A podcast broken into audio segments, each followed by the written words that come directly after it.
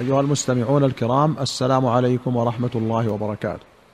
في باب صفة الحج أخرج البخاري عن ابن عباس قال انطلق رسول الله صلى الله عليه وسلم من المدينة بعدما ترجل وادهن ولبس إزاره ورداءه هو وأصحابه فلم ينه عن شيء من الأردية والأزر تلبس إلا المزعفرة التي تردع على الجلد أي تصبغه بلونها فأصبح بذي الحليفة وركب راحلته حتى استوى على البيداء أهل هو وأصحابه وقلد بدنه وذلك لخمس بقين من ذي القعدة فقدم مكة لأربع خلون من ذي الحجة وطاف بالبيت وسعى بين الصفا والمروة ولم يحل من أجل بدنه لأنه قلدها ثم نزل بأعلى مكة عند الحجون وهو مهل ولم يقرب الكعبة بعد طوافه بها حتى رجع من عرفة. وأمر أصحابه أن يطوفوا بالبيت وبين الصفا والمروة ثم يقصروا رؤوسهم ثم يحلوا. وذلك لمن لم يكن معه بدنة قلدها ومن كانت معه امرأته فهي له حلال والطيب والثياب. وفي رواية قال قدم النبي صلى الله عليه وسلم فأمر أصحابه أن يطوفوا بالبيت وبالصفا والمروة ثم يحلوا ويحلقوا أو يقصروا. وأخرج البخاري عن ابن عباس قال يطوف الرجل بالبيت ما كان حلالا حتى يهل بالحج. فإذا ركب إلى عرفة فمن تيسر له هدية من الإبل أو البقر أو الغنم ما تيسر له من ذلك أي ذلك شاء غير أنه إن لم يتيسر له فعليه ثلاثة أيام في الحج وذلك قبل يوم عرفة. فإن كان آخر يوم من الأيام الثلاثة يوم عرفة فلا جناح عليه. ثم لينطلق حتى يقف بعرفات من صلاة العصر إلى أن يكون الظلام. ثم ليدفعوا من عرفات إذا أفاضوا منها حتى يبلغوا جمعا. أي مزدلفة. الذي يبات فيه. وفي رواية الذي يتبرر فيه. من طلب البر. ثم ليذكر الله كثيرا. أو أكثر من التكبير والتهليل. شك الراوي. قبل أن تصبحوا. ثم أفيضوا. فإن الناس كانوا يفيضون. وقال الله عز وجل. ثم أفيضوا من حيث أفاض الناس. واستغفروا الله. إن الله غفور رحيم. حتى ترموا الجمره وأخرج مسلم عن وبرة بن عبد الرحمن قال كنت جالسا عند ابن عمر. فجاءه رجل فقال أيصلح لي أن أطوف بالبيت قبل أن آتي الموقف؟ قال نعم. قال فإن ابن عباس يقول لا تطف بالبيت حتى تأتي الموقف. فقال ابن عمر فقد حج رسول الله صلى الله عليه وسلم فطاف بالبيت قبل أن يأتي الموقف. فبقول رسول الله صلى الله عليه وسلم أحق أن تأخذ؟ أو بقول ابن عباس إن كنت صادقا. وفي رواية سأل رجل ابن عمر أطوف بالبيت وقد أحرمت بالحج؟ فقال وما يمنعك؟ قال إني رأيت ابن فلان يكرهه وأنت أحب إلينا منه. رأيناه قد فتنته الدنيا. أو قال وأيكم لم تفت منه الدنيا؟ ثم قال رأينا رسول الله صلى الله عليه وسلم أحرم بالحج وطاف بالبيت وسعى بين الصفا والمروة. فسنة الله ورسوله أحق أن تتبع من سنة فلان إن كنت صادقا.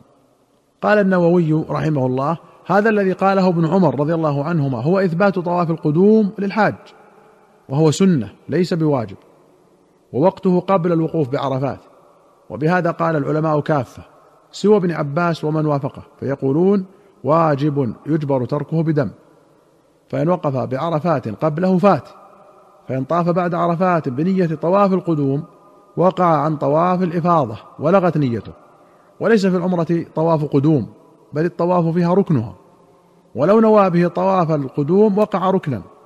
كما لو كان عليه حجة واجبة فنوى حجة تطوع فإنها تقع واجبة. والله أعلم.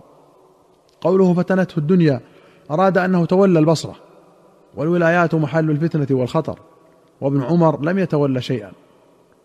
وأما قول ابن عمر وأينا لم تفتنه فذلك من تواضعه وإنصافه رضي الله عنهم أجمعين. وقوله إن كنت صادقا أي إن كنت صادقا في إسلامك واتباعك رسول الله صلى الله عليه وسلم.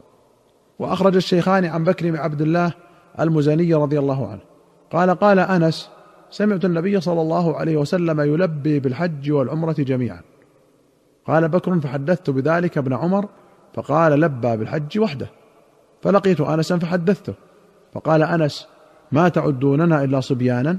سمعت رسول الله صلى الله عليه وسلم يقول لبيك عمرة وحجا ولمسلم قال أهل بهما لبيك عمرة وحجة وفي رواية لبيك بعمرة وحج. قال النووي في شرح مسلم يحتج بقول أنس من يقول بالقرآن.